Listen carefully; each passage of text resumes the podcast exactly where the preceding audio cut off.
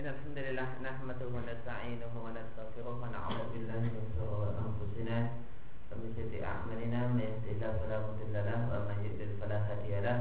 وأشهد أن لا إله إلا الله وحده لا شريك له. وأشهد أن محمدا عبده ورسوله صلى الله عليه وعلى آله وصحبه وسلم.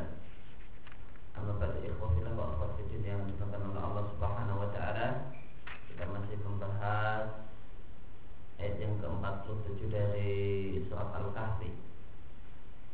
Yaitu wa yawma nusayyirul jibala wa taral arda barizata wa syarnahum falam nughadir minhum ahada. Dan pada hari kiamat kami perjalankan gunung-gunung wa taral arda barizatan dan engkau lihat bumi itu barizatan nampak dengan jelas. Dan kami kumpulkan mereka biarkan satupun dari mereka kecuali dikumpulkan seluruhnya dikumpulkan. Berkaitan dengan uh, potongan ayat watawal ardu barizatan dan engkau lihat bumi itu barizatan maknanya adalah zahiratan nampak dengan jelas. Kenapa? Karena bumi pada kiamat itu Quran sof-sofa uh, adalah uh, rata dan jadi tanah datar. Bumi itu rata, tidak ada gunung, tidak ada tidak uh, ada bukit, tidak ada gua, tidak ada maka tidak ada menonjol ke atas ataupun masuk ke dalam. Rata. Quran sof-sofa Wahai al sedangkan bumi saat ini tidaklah nampak dengan jelas dikarenakan bumi saat ini itu mukawaratan berbentuk bulat. Dan mayoritas bumi yang bulat ini juga tidak waksa wa barisin dan mayoritasnya tidak terlihat.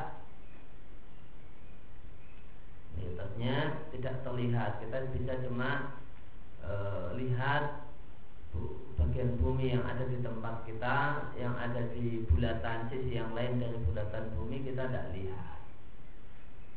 Kemudian yang kita lihat pun banyak di antaranya yang tersembunyi ya, tersembunyi dikarenakan gunung dikarenakan lembah demikian juga tersembunyi dikarenakan jurang cekungan ke dalam atau dalam gua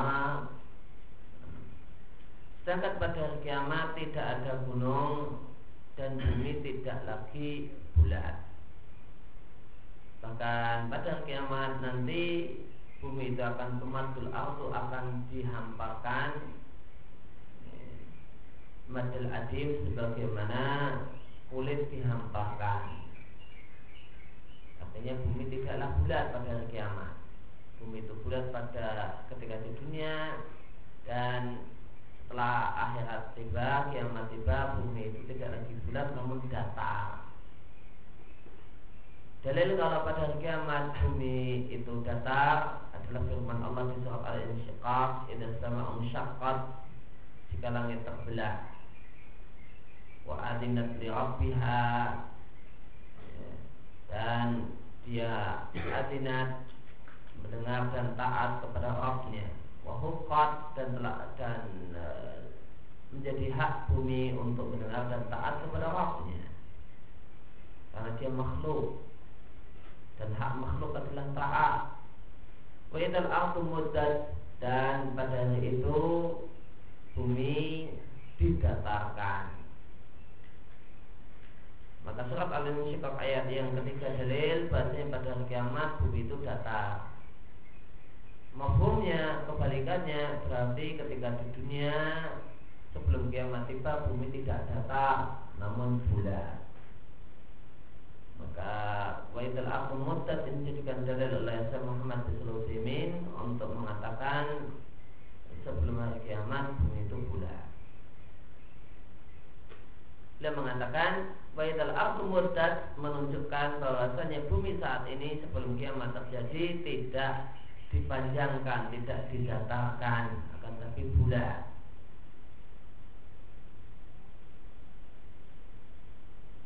maka bumi yang besar semacam ini itu taat kepada Allah Subhanahu wa taala wa adzinan rabbiha. Ada makhluk yang besar namun taat kepada Allah Subhanahu wa taala.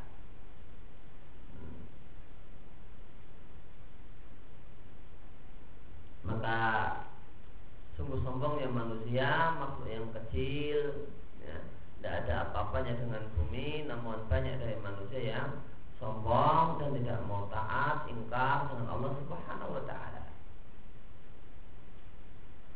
Wasyarnahu dan kami akan kumpulkan mereka yang dimaksud mereka dalam ayat ini adalah manusia. Apakah yang dikumpulkan pada hari kiamat yang dibangkitkan di mahsyar itu cuma manusia? Jawabannya tidak.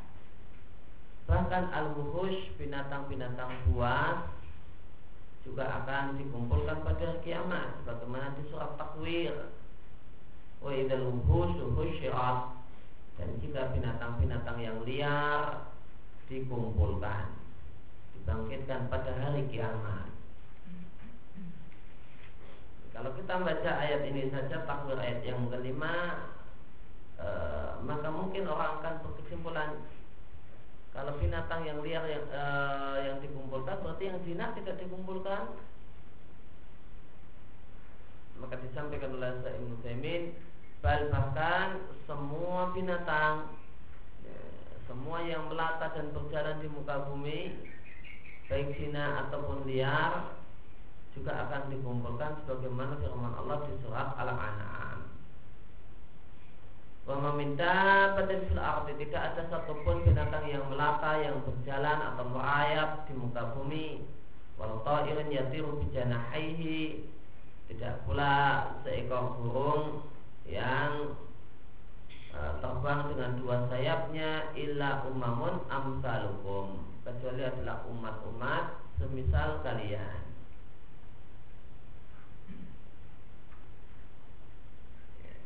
Maka Allah katakan bahwasanya e, burung, demikian juga binatang, kambing, sapi dan yang lainnya e, itu semua kata Allah Subhanahu wa taala adalah umat-umat semisal kalian. Semisal dalam hal apa? Di tafsir lain dikatakan semisal e, dalam masalah bahasanya Allah lah yang mengatur penciptaan mereka Allah lah yang menciptakan mereka semua. Allah lah yang mengatur rezeki mereka dan Allah yang mengatur keadaan mereka. Maka sebagaimana manusia diciptakan oleh Allah maka binatang-binatang tersebut juga diciptakan oleh Allah. Bagaimana manusia rezekinya diatur oleh Allah Maka binatang, ular, kalajengking, ya, semut itu juga rezekinya diatur oleh Allah. Bagaimana keadaan manusia diatur oleh Allah? Eh, eh, Sehat, sakit eh, Hidup, mati. Maka demikian pula binatang-binatang tersebut Sehatnya, sakitnya Semuanya diatur oleh Allah Subhanahu wa Ta'ala. Maka mereka binatang-binatang ini semisal dengan manusia di sisi ini ya di dari sisi ini mereka binatang ini semisal manusia. Tentu mereka atau binatang-binatang ini tidak semisal dengan manusia dalam semua keadaan. Manusia berakal binatang tidak berakal. Ya. manusia wajib taat pada aturan Allah taat hukum syariat sholat dan sebagainya bayar zakat. Tentu sapi tidak punya kewajiban bayar zakat, ah, naik haji dan seterusnya. Maka kesamaan di sini adalah kesamaan dalam sebagian sisi. Mafarna fil kitab min.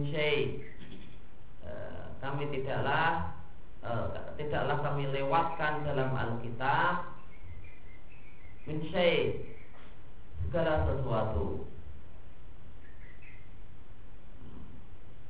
terdapat pembersihan ahli tafsir tentang apa yang dimaksud dengan Alkitab di surat Al-An'am ayat 38 ini.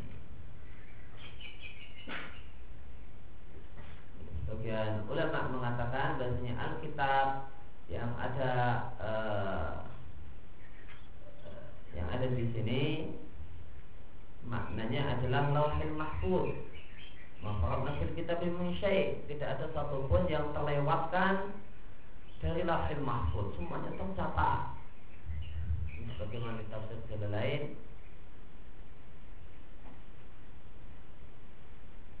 Dikatakan demikian Alkitab adalah lauhil mahfuz Pendapat yang kedua mengatakan Alkitab dalam ayat ini maknanya adalah Al-Quran Maka Al-Quran itu menjelaskan segala sesuatu Sehingga maknanya Mafakat Nabi kita min Al-Quran itu menjelaskan segala sesuatu. Segala sesuatu telah dijelaskan dengan jelas oleh Al-Quran.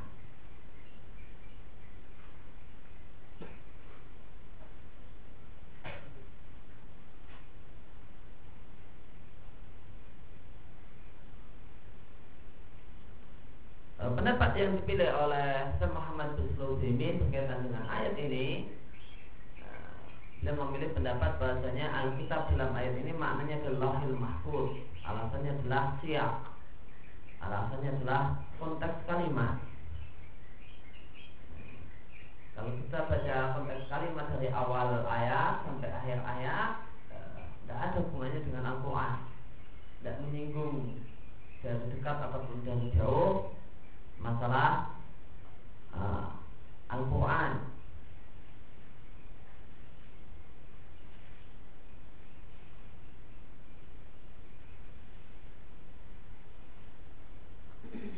maka beliau tidak setuju maka sampai Ibnu Taimin tidak setuju e, surat Al-An'am 38 ini digunakan sebagai dalil bahasanya Al-Quran itu menjelaskan segala sesuatu. Cukuplah berdalil dengan uh, ayat yang lain Bahasanya Al-Quran jelas Bidianan likuli Jelas untuk segala sesuatu. Tidak perlu memaksakan ayat ini Dipakai untuk mengatakan Al-Quran telah menjelaskan Segala sesuatu Maka beliau bantah uh, Yang menggunakan ayat ini Untuk mengatakan Al-Quran menjelaskan segala sesuatu namun cukuplah dengan ayat yang lain yang menunjukkan makna yang semisal. Demikian uh, penjelasan Ibnu Taimin di salah beliau uh, Al-Ibda di Kamal Syariah wal Khotobil Ibtidah. Sedangkan uh, guru beliau sendiri sama uh, Zakir Mana Sa'di di tafsirnya tafsir Sa'di mengatakan bahasanya fil kitab dalam ayat ini surat Al-An'am 38 itu bisa dimaknai dengan boleh dimaknai dengan Al-Quran dan boleh juga dimaknai dengan Lauhil Mahfud dua-duanya benar. Dua-duanya benar. Itu pendapat yang dipilih oleh Sa'adi di tafsirnya ketika menjelaskan Al-An'am ayat ini. Al-An'am 38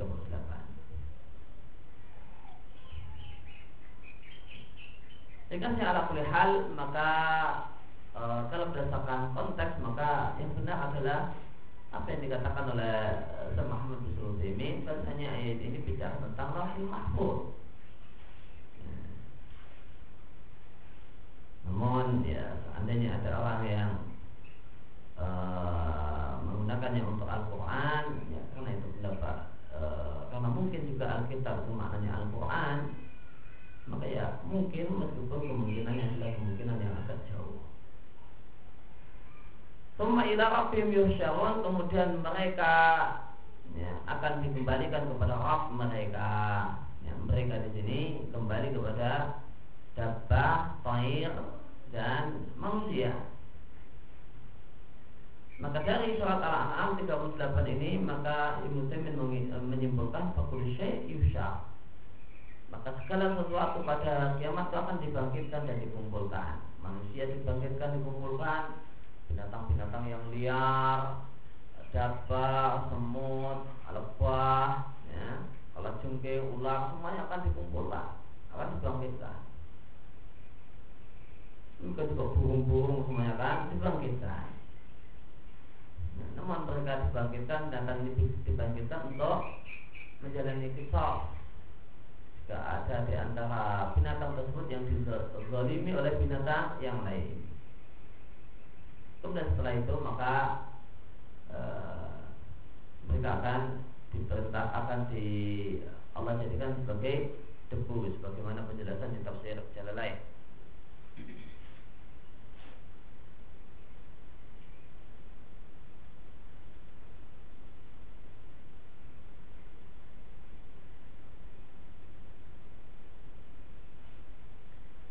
Ketika menjelaskan summa ila rabbim eh, ila rabbim yusyaron kita sejalan dikatakan kemudian diberikan keputusan di antara mereka maka binatang yang tidak bertanduk akan mengkisos binatang yang bertanduk yang belum menzaliminya. Summa yaqulu lahum kunu turaba. Kemudian Allah berkata kepada binatang-binatang ini, jadilah kalian tanah. Dan pada saat itu maka berkatalah orang-orang kafir yang melihat binatang-binatang itu Allah hancurkan jadi tanah.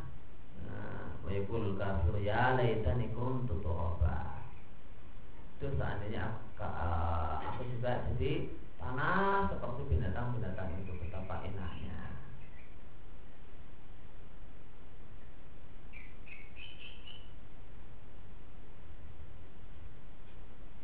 Maka uh, ayat ini satu soal alam ayat 38 ini mengandung pelajaran yang penting juga pelajaran yang lain yang penting menunjukkan bahwasanya uh, disamakannya antara dua hal tidaklah melazimkan tidaklah mengharuskan kalau itu kesamaan dalam semua hal.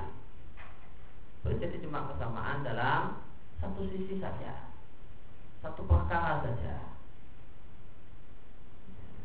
Maka ayat ini adalah e, bantahan untuk e, kaum feminis dan liberalis dan semisalnya yang menolak hadis tentang e, tentang masalah bahwasanya jika seorang laki-laki sholat kemudian dilewati oleh tiga dilewati oleh perempuan yang balik dilewati oleh keledai atau dilewati oleh anjing hitam maka sholatnya terputus boleh jadi berkurang pahalanya atau, atau ataupun maknanya e, batal sebagaimana pendapat sebagian ulama.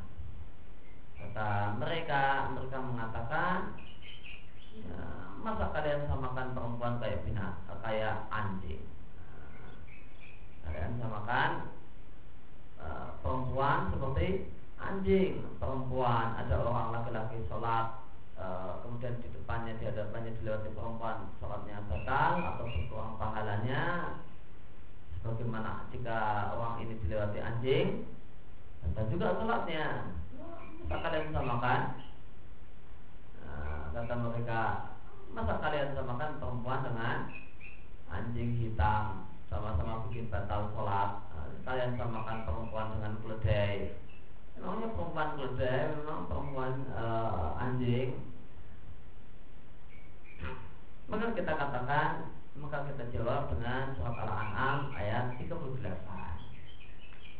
Yang namanya disamakan dalam masalah itu membatalkan sholat ya, Itu ya cuma sama dalam masalah ini Tidak mengharuskan kalau itu sama dalam semua perkara Tapi kalau katakan manusia itu sama dengan burung sama dengan e, sama dengan lang.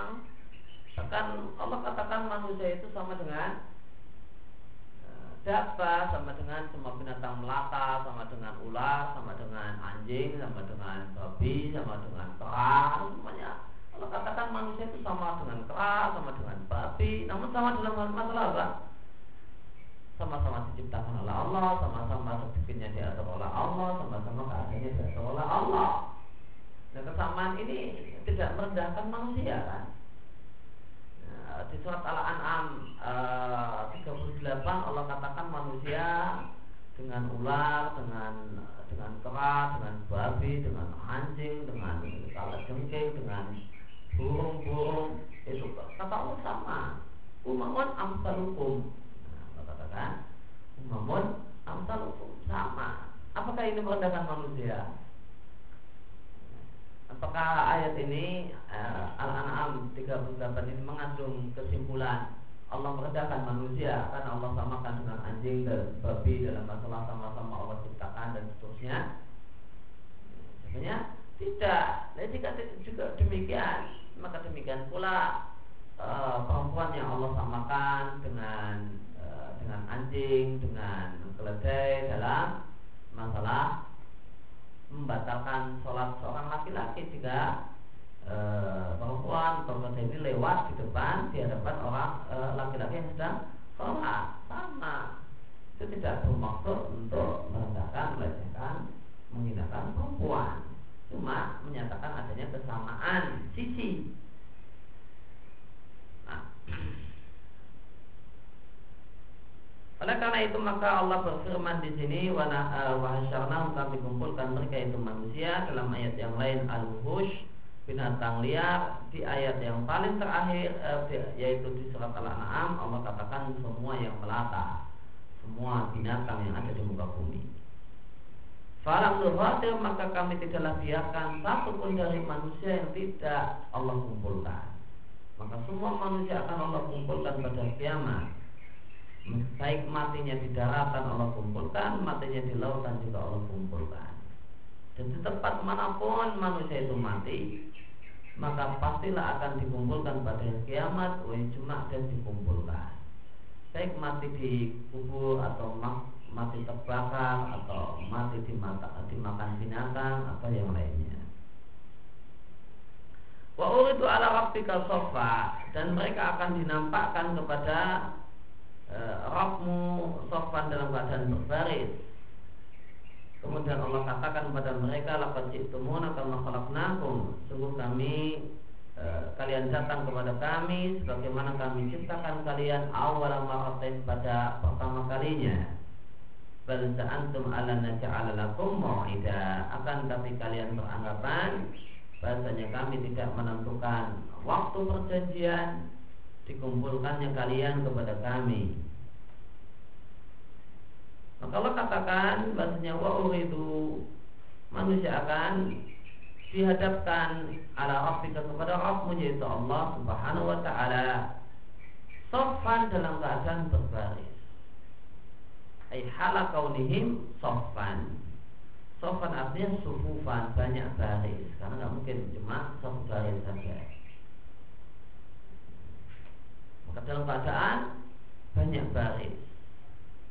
Lalu Allah Subhanahu wa taala akan menghisap mereka azza wa jalla. Demikianlah nasib orang-orang kafir. Allah hisap dengan terang-terangan mereka berbaris dan Allah hisap, Allah sebutkan dosa-dosa mereka satu persatu didengar oleh semuanya. Semuanya ikut dengar.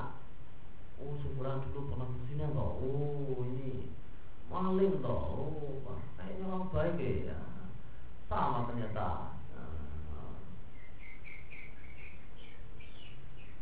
Maka Allah hisap orang-orang kafir dalam keadaan mereka berbaris dan seluruh mereka seluruh manusia mendengar hisap orang ini. Maka Allah permalukan. Berbeda dengan dengan hisap untuk seorang mukmin, amal mukmin. Adapun seorang mukmin maka Allah menyendiri dengannya bersepi-sepi dengannya. Uyukariruhu bidunubi Lalu Allah sebut-sebutkan dosa-dosanya. Bukankah kamu punya kesalahan ini? Kamu pernah berbuat ini? Kamu pernah uh, begini? Allah katakan kepadanya Amil takada wa amil takada Engkau berbuat begini Engkau berbuat begitu Fayukiru maka si mukmin ini pun mengakui ya, dosa-dosanya. Maka pada saat itu maka berkatalah zat yang maha pemurah yaitu Allah Taala Inni qad satartuha alaika fid dunya wa ana aghfiruha lakal yauma. Sungguh dulu di dunia aku telah menutupi dosa-dosamu ini sehingga orang tidak tahu kalau engkau telah berbuat dosa ini dan itu? Dan pada hari ini al aku akan mengampuni dosa-dosa tersebut. Maka Allah azza wa jalla mengampuni dosa-dosa tersebut pada hari kiamat. Allah tidak menghukum e, si manusia atas dosa-dosa tersebut. Setelah di dunia dulu Allah menutupi dosa-dosanya Fakam min dunubin lana maka betapa banyak dosa yang kita miliki, kita lakukan fil dalam sembunyi dalam keadaan orang tidak tahu. dalam keadaan tersembunyi sangat banyak boleh jadi e, dosa yang tersembunyi tersebut adalah amaliyatun berjawari adalah perbuatan anggota badan yang nampak ataupun perbuatan e, amal hati. Maka ada dosa dengan hati. Dan dosa dengan hati adalah tidak nampak. Maka Allah tutupi. Maka ada dosa berupa buruk sangka. Ada juga dosa dengan hasad. Ya, menginginkan kejelekan untuk muslim yang lain juga ada kita ingin dia menderita kita ingin dia susah kita yang bahagia Rumastun alaih dan semuanya tertutupi ini satu nikmat ya. Tidak bisa kita bayangkan seandainya semuanya ini kebungka Asal kita pada si A, si B Keinginan jelek kita pada si C, si D Buruk sangka kita pada si F, si G ya. Eh, seandainya semuanya terbongkar Diketahui oleh semua orang apa dosa hati kita? Maka betapa malunya Dan betapa banyaknya masalah dengan kita Banyaknya masalah yang akan kita hadapi.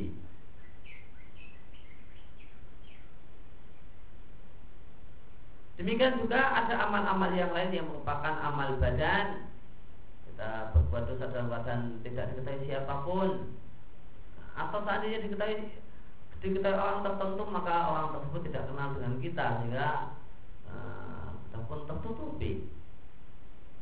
Akan tapi Allah Subhanahu wa taala menutupi dosa tersebut atas hambanya sehingga orang lain tidak tahu. Nah, maka ini satu nikmat Allah Subhanahu wa taala. Maka Allah itu benar-benar maha pemurah. Kita berbuat maksiat saja dikasih nikmat. Dalam kondisi kita berbuat maksiat saja Allah berikan limpah nikmat dengan tidak ada orang yang mengetahui atau ada yang mengetahui namun tidak kenal siapa kita dan jati diri kita Inna nanu ambil maka kita pun berharap insya Allah Taala dan yang telah menutupi dosa-dosa kita tersebut di dunia akan mengampuni dosa-dosa tersebut bagi kita di akhirat. Dan Allah berfirman, Lakat jitumuna kama khalaqnakum awal marah Sungguh uh, kalian datang kepada kami Sebagaimana kami ciptakan kalian pertama kali. Inilah uh, apa yang Allah firmankan kepada manusia pada hari itu. Dan kalimat ini mengandung tiga taukid ya, Ada lam, lakat ya, Kemudian ada qad Dan ada al-qasam al-muqaddar ada sumpah yang disembunyikan yaitu uh, kemudian ditinggal cuma tinggal isyarat saja. Isyaratnya apa? Lamnya itu. Lakal lamnya ini namanya uh, samping dia taukid dan juga berfungsi sebagai lam tautiah lam penanda adanya kosam yang dibuang. Ini, ini berlaku untuk semua lakal berlaku untuk semua lafaz. Semua lafaz dalam Al-Quran, dalam hadis itu berarti di sana ada tiga taukid. Sehingga maknanya adalah Wallahi laqad jitumuna. Sungguh demi Allah, demi Allah sungguh kalian datang kepada kami kama khalaqnakum awalam marah Bagaimana kamu menciptakan kalian pertama kali Artinya kalian tidak bawa harta Tidak bawa pakaian dan yang lainnya. Bagaimana bayi ketika lahir pertama kali? Tidak ada bayi keluar pertama kali sambil megang duit Tidak ada yang sambil pakai sandal atau pakai sepatu Atau sudah pakai uh, sarungan macam-macam Tidak ada.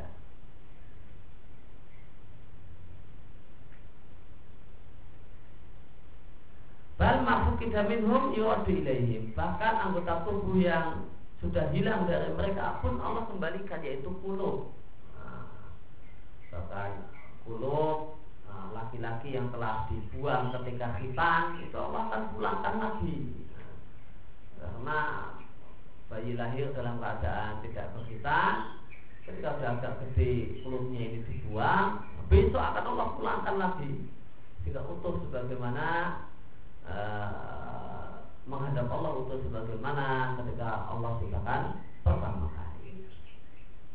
Bagaimana dalam dalam hadis yang sahih Nabi katakan bahwa manusia akan dikumpulkan pada kiamat hufatan dalam keadaan tidak e, telanjang kaki, tidak beralas kaki, orotan e, telanjang dalam artian tidak berpakaian, burlan.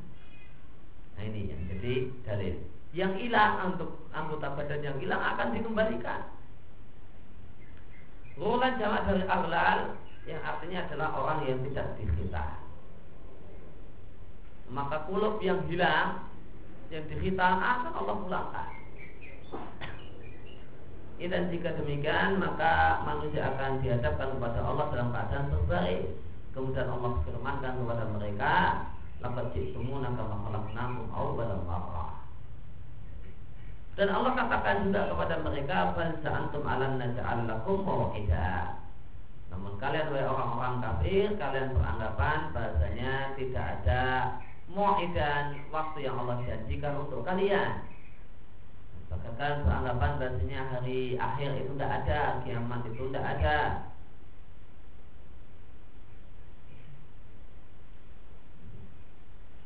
Maka di sini dalam kalimat ini terdapat itrof. Itrof itu makna dari bal. Bahkan, nah, bahkan itu e, dalam bahasa Arab disebut itrof. Namun bahkan di sini fungsinya adalah intikal berpindah kepada topik bahasan yang lain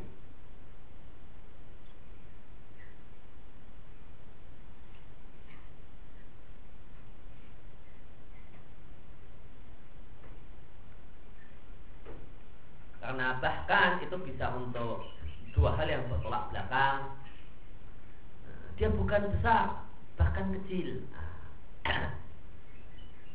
namun bal di sini bukan untuk uh, dua hal yang bertentangan. Buku ini tipis, namun sangat manfaat, besar manfaatnya. Maka kalau tipis mungkin orang beranggapan identik dengan ya cuma mengandung sedikit pelajaran, namun dikatakan buku ini tipis, namun besar manfaatnya. Maka ini dua hal yang bertentangan atau punya anggapan dua hal yang bertentangan. Sedangkan bal di sini tidak demikian. Namun ini bal di sini fungsinya cuma untuk berpindah dari satu tema ke tema yang lain. Tadi baru saja membahas bahasanya manusia akan Allah kumpulkan dalam keadaan sama persis bagaimana ketika lahir. Setelah itu Allah bicara tentang Allah mencela orang-orang kafir yang tidak percaya dengan hari akhir. Maka intikal berbeda dari topik satu ke topik yang berbeda. maka di sini hum yuwabahun manusia dicela oleh Allah. Sungguh kalian datang kepada kami, artinya kalian tidak punya tempat berlari. Bagaimana kami ciptakan kalian pertama kali, artinya kalian tidak membawa harta, tidak pulang bawa keluarga. Dan mereka akan dicela atas pengingkaran mereka dengan hari berbangkit. Allah katakan pada mereka antum bahkan dulu ketika kalian di dunia kalian beranggapan bahasanya kami tidak pernah menetapkan hari yang dijanjikan untuk kalian dan anggapan tersebut jelas tidak benarnya pada saat itu setelah manusia dikumpulkan jelas tidak ada uh, ya, anggapan uh, yang dulu pernah ada adalah anggapan yang bohong semata. Pokok batil maka anggapan yang tidak benar. Wa di alkitab fatahun mujrimin maka kitab catatan amal diletakkan fatahun mujrimin maka engkau melihat orang-orang yang penuh dengan dosa musfiqina mimma fihi merasa takut dengan apa yang jadi isi isinya Wayaquluna dan mereka mengatakan ya wailatana tuh wahai uh, seandainya uh, wail wahai kecelakaan dan kebinasaan untuk kami. Mali hadal kitabi apa-apaan buku ini? La yughadiru saghiratan wala kabiratan illa ahqaha. Tidak ada satupun ya, tidaklah dia tinggalkan yang kecil tidak pula yang besar kecuali dia mencatatnya wajadu ma'amil hadira dan mereka jumpai amal yang mereka lakukan itu hadir. Walayatimu rabbuka ahada dan Rabbmu Allah subhanahu wa ta'ala tidaklah menzalimi satupun makhluknya yang dimaksud bahwa di Alkitab kitab catatan amal itu diletakkan maksudnya adalah dibagikan di antara manusia maka ada yang mengambil kitab catatan amalnya dengan tangan kanan, ada yang mengambil kitab catatan amalnya dengan tangan kiri. Maka wahai manusia, engkau lihat al-mujrimin orang yang penuh dengan dosa. Nah, mujrim kalau dalam bahasa Arab sekarang itu artinya e, penjahat, ya, pelaku tindak kriminal. Nah, dan demikianlah orang-orang kafir mereka adalah melakukan tindakan kriminal bukan hanya kriminal dengan sesama manusia namun bahkan kriminal dengan Allah Subhanahu wa taala mereka adalah orang-orang yang jahat. Bukan hanya dengan sesama manusia namun jahat dengan hak Allah Subhanahu wa taala. Maka orang-orang yang kafir musyfiqina mimma fihi merasa takut dengan isi buku catatan amalnya. Itu khaifin takut dengan apa yang tertulis dalam kitab catatan amal karena mereka telah mengetahui dan menyadari apa yang telah mereka lakukan untuk diri mereka sendiri. Maka makna ayat ini serupa dengan firman Allah tentang orang-orang Yahudi. Orang-orang Yahudi mengatakan lantamasana naru ila ayam ma'dudah kami tidak akan dijilat api neraka kecuali hari-hari yang bisa dihitung yaitu 40 hari. Yang itu mengatakan kami akan masuk neraka namun cuma 40 hari saja. Langsung masuk surga selamanya. Nah, bahkan yang masuk surga cuma kami. Namun sebelum masuk surga kami mampir di neraka selama 40 hari. Nah, karena itulah waktu kami menyembah patung anak sapi 40 hari.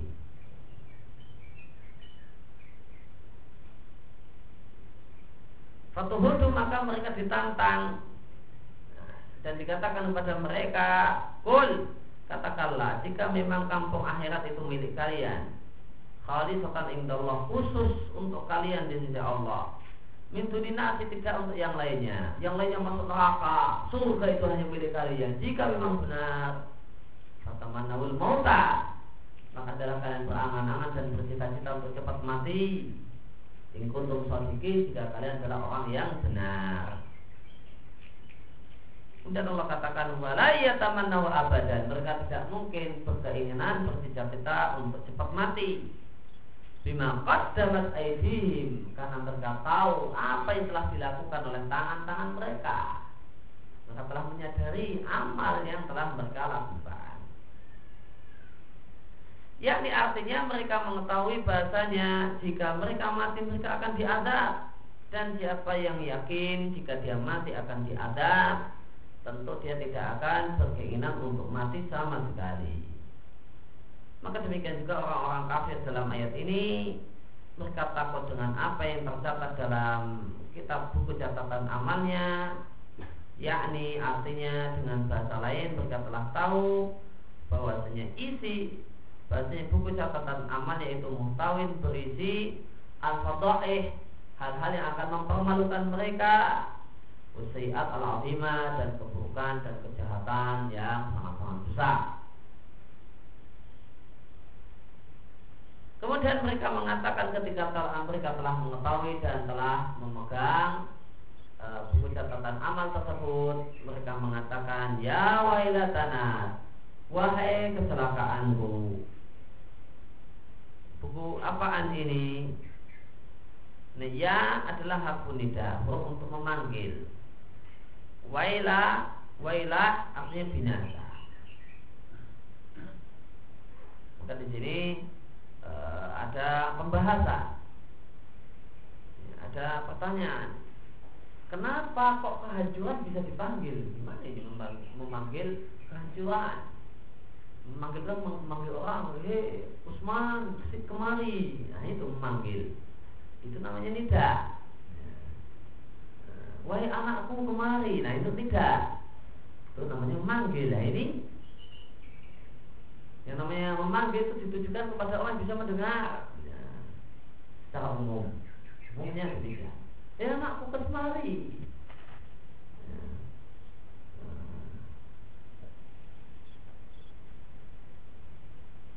Maka gimana kok kebinasaan, kecelakaan, kehancuran kok dipanggil?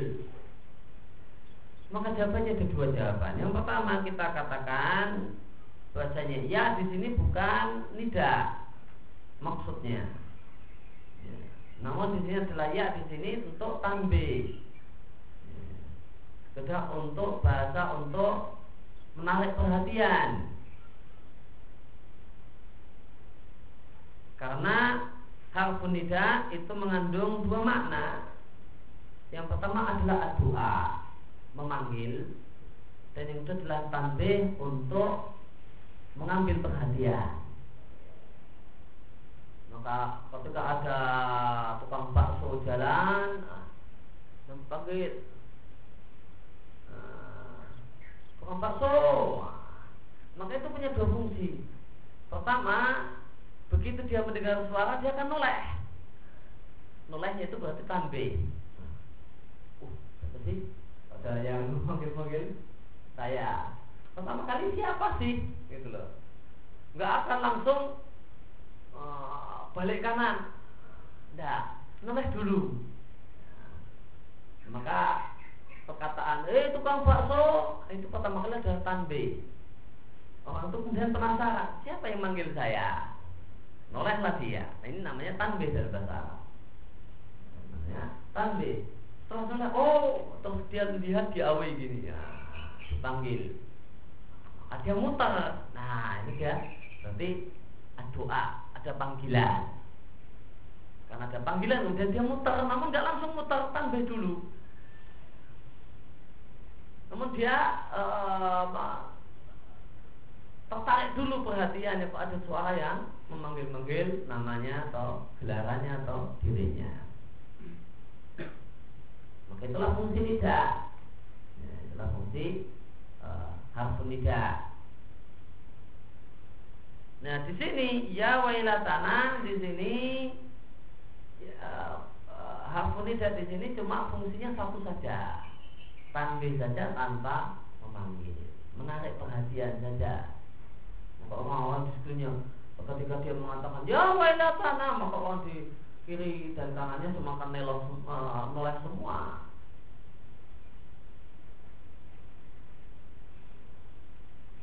Kemudian yang kedua penjelasan yang kedua kita katakan bahasanya mereka orang-orang kafir menjadikan kecelakaan dan kebinasaan mereka bagaikan makhluk yang punya akal sehingga bisa mendapatkan panggilan. Sehingga makna sehingga makna ayat makna kalimat ya wailatana adalah ya wailatana unduri. Hei kecelakaanku datanglah kemari ke sini kesimpulannya uh, penjelasan yang pertama itu yang lebih dekat yang lebih baik dengan alasan yang pertama tidak membutuhkan takdir. Tidak membutuhkan uh, kalimat tambahan yang di diperkirakan ada. Karena hukum asal kalam adalah tidak memuat takdir. Nah, maka jika satu kalimat dalam bahasa Arab itu bisa dimaknai tanpa takdir itu yang lebih baik daripada harus menambahkan takdir. Kemudian alasan yang kedua li anau ablah. Maka ini lebih dahsyat ya, daripada tadinya kita maknai dengan makna yang kedua. Mali hadal kitab. Artinya adalah ayat syai'in di hadal kitab. Apa uh, bagaimana uh, apakah buku ini bagaimanakah buku ini tidaklah dia tinggalkan yang kecil tidak yang besar kecuali dia mencatatnya ya, ahsoha maknanya adalah asbataha adadan nah, artinya adalah mencatatnya adadan dalam arti menghitungnya nomor satu, nomor tiga, nomor empat, nomor sepuluh dan seterusnya. Artinya mereka merasa jengkel dengan hal ini. Akan tapi jengkelnya dengan buku catatan amal ini manfaat? Ya, tentu jawabannya tidak manfaat. Mau jengkel ya tidak tetap tidak mengubah keadaan.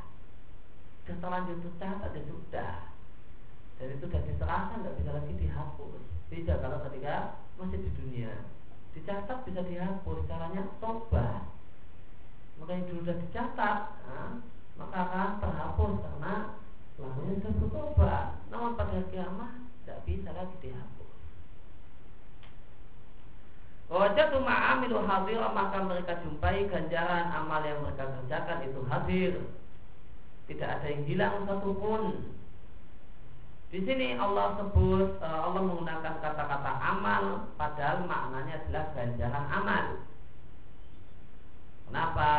Karena ganjaran amal untuk orang kafir adalah semisal dengan keburukannya tanpa ada penambahan.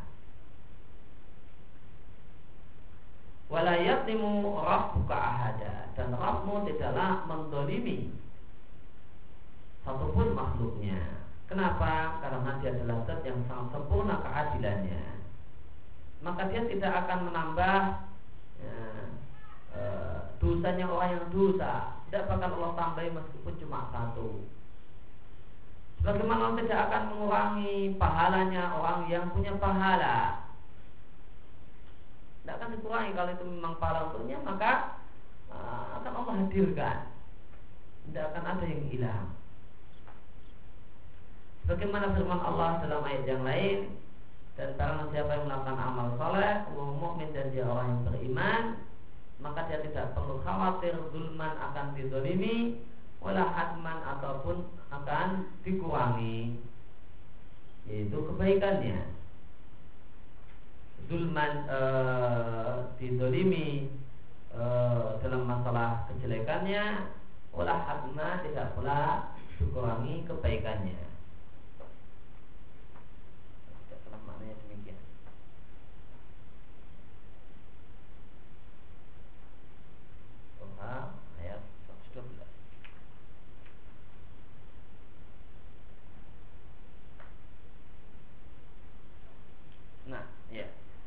zulman di sini berkaitan dengan masalah dosa.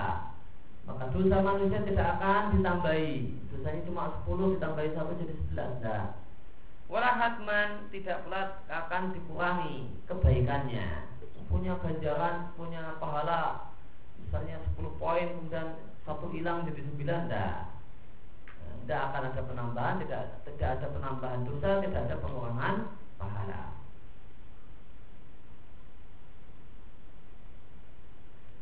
Dan ayat ini Allah tidak zalim mendolimi satupun hambanya di sini terdapat sifat manfiyah, sifat yang Allah tiadakan dari dirinya. Dan yang paling banyak ada dalam Al-Quran adalah sifat musbatah. Sifat yang Allah tetapkan untuk dirinya. Allah itu hidup, mengetahui, kuasa, dan seterusnya. Adapun pembahasan dan penyebutan sifat yang Allah tiadakan dari dirinya maka itu sedikit lebih sedikit dibandingkan jumlah sifat yang Allah tetapkan untuk dirinya. Inilah tariqah e, metode Al-Quran dalam masalah membahas e, nama nama dan sifat Allah, e, yaitu tafsil dalam isbat dan global dalam nafyu. Kalau isbat menetapkan sifat sempurna untuk Allah, maka Allah detail. Allah punya sifat gini, gini, gini, gini, gini, gini, gini. Non kalau untuk uh, anak view peniadaan sifat yang jelek bagi Allah, maka global saja. Allah cuma mengatakan laisa kamitslihi syai. Eh, walam yakul kufuwan ahad. Seandainya ada yang detail, maka yang detail itu sedikit.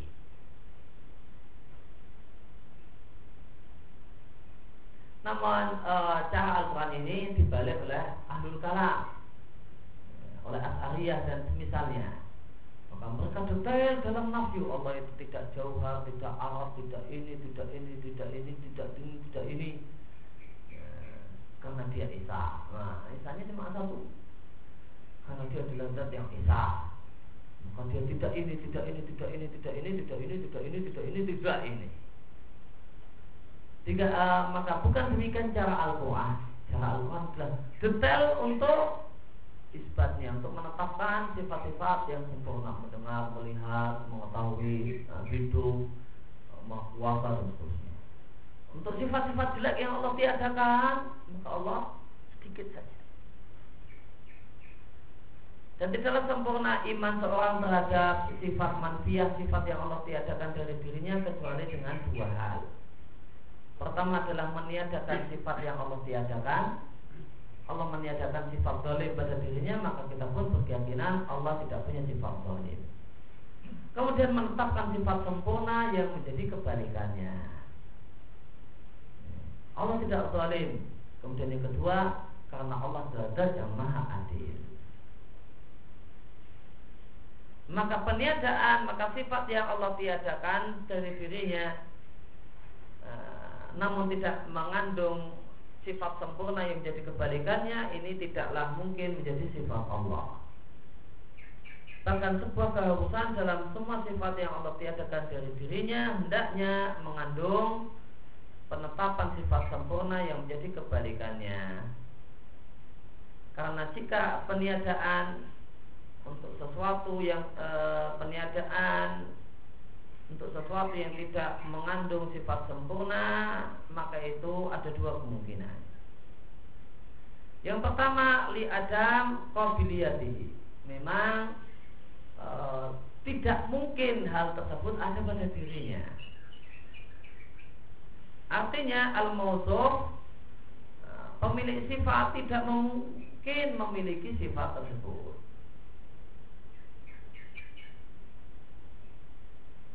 Yang kedua, jika tidak mengandung sifat sempurna menjadi kebalikannya, maka boleh jadi karena ketidakberdayaan pemilik sifat.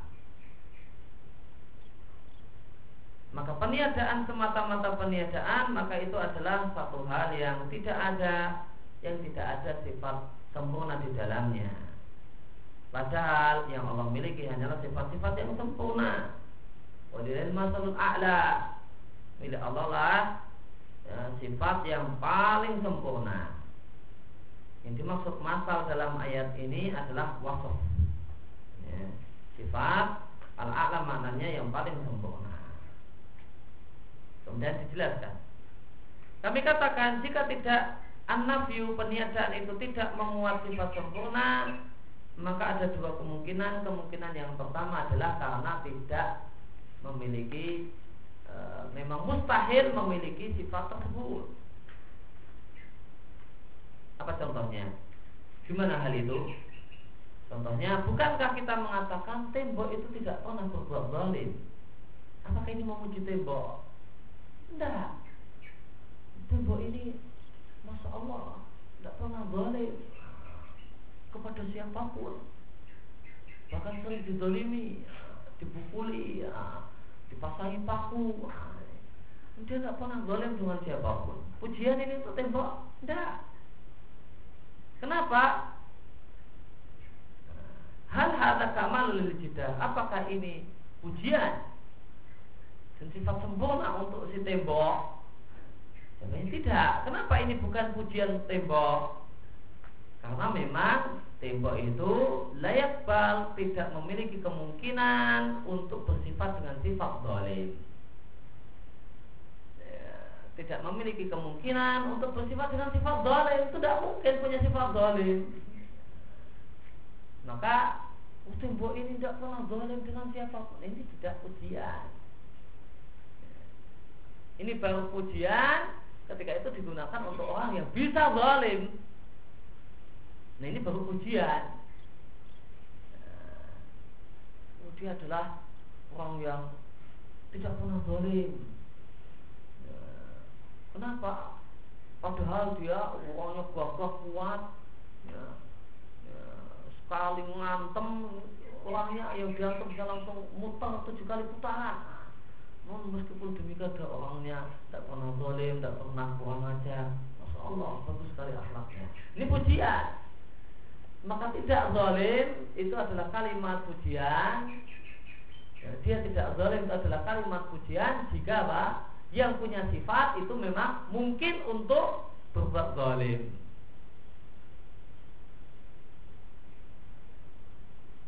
Dan semua sifat Allah adalah sifat pujian. Maka ketika Allah dikatakan Allah tidak zalim namun ternyata Allah itu memang tidak bisa berbuat zalim, apakah ini pujian untuk Allah? Tidak memuji Allah. Kalau memang Allah itu tidak berbuat zalim, kemudian kita puji Allah, kita katakan Allah itu tidak zalim, maka itu tidak memuji Allah. Kita memuji Allah dengan mengatakan Allah tidak zalim ketika Allah bisa berbuat zalim.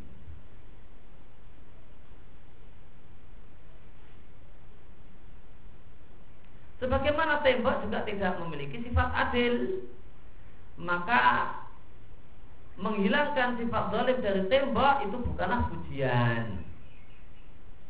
Yang kedua, boleh jadi anak peniadaan sifat yang jelek di dalamnya terteman kamalan jika tidak mengandung sifat yang sempurna maka itu adalah nakson kekurangan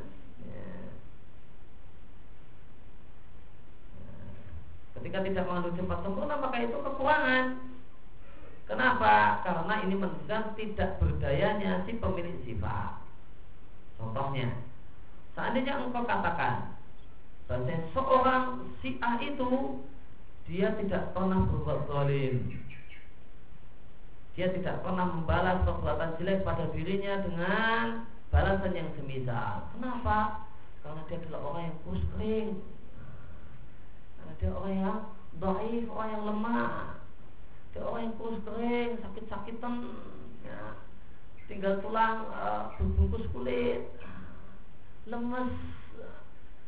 Masya Allah dia tak pernah berbuat dolim nah, Kenapa dia Meskipun disakiti dia tidak pernah balas loh? Masya Allah ini? Kenapa?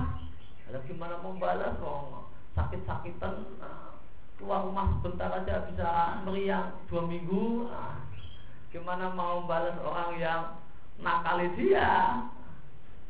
Apakah ini pujian ke orang tadi? Tidak pujian. Kenapa?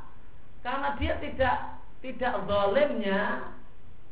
Dia tidak berbuat zalimnya itu karena memang tidak mampu untuk berbuat zalim. Maka seandainya Allah itu bisa berbuat zalim namun Allah tidak berbuat tidak ya, bisa. Mungkin untuk berbuat zalim namun tidak bisa berbuat zalim.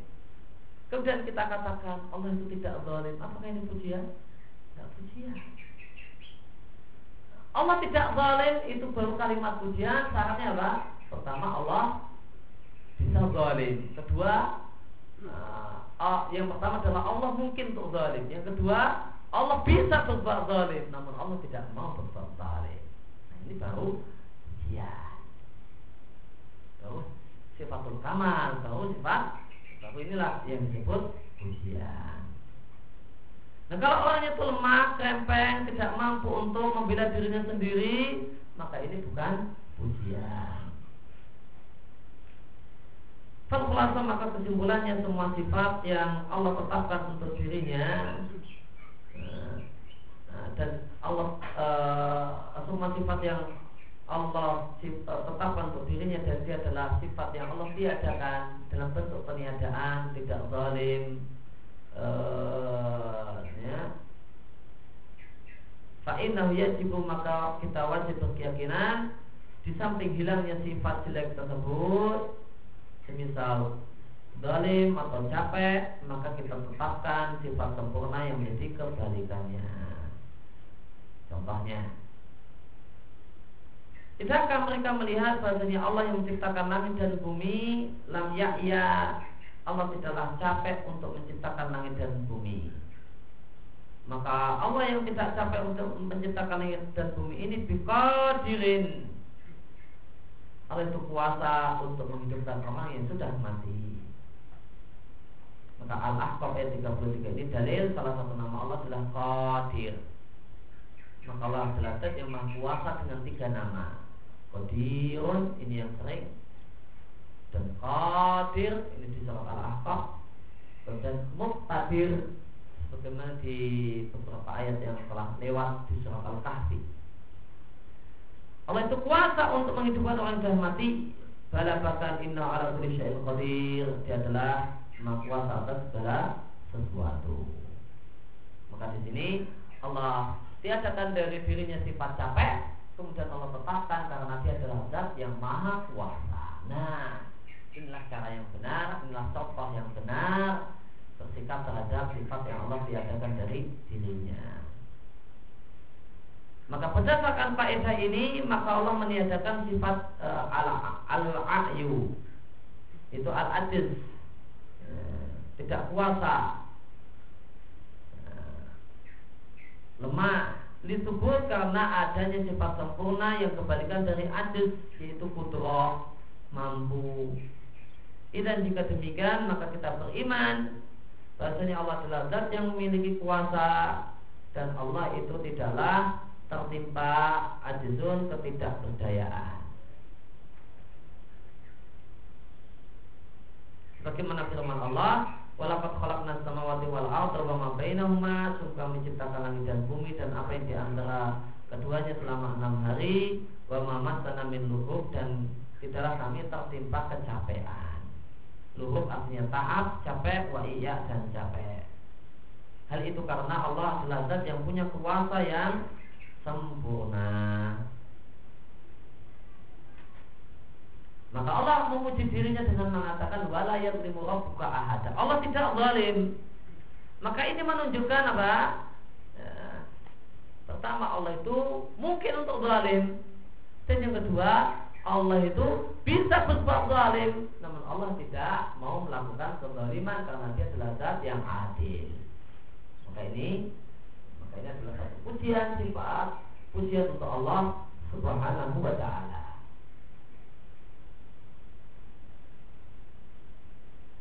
Demikian yang kita الحمد لله رب العالمين. سبحانك اللهم وبحمدك أشهد أن لا إله إلا أنت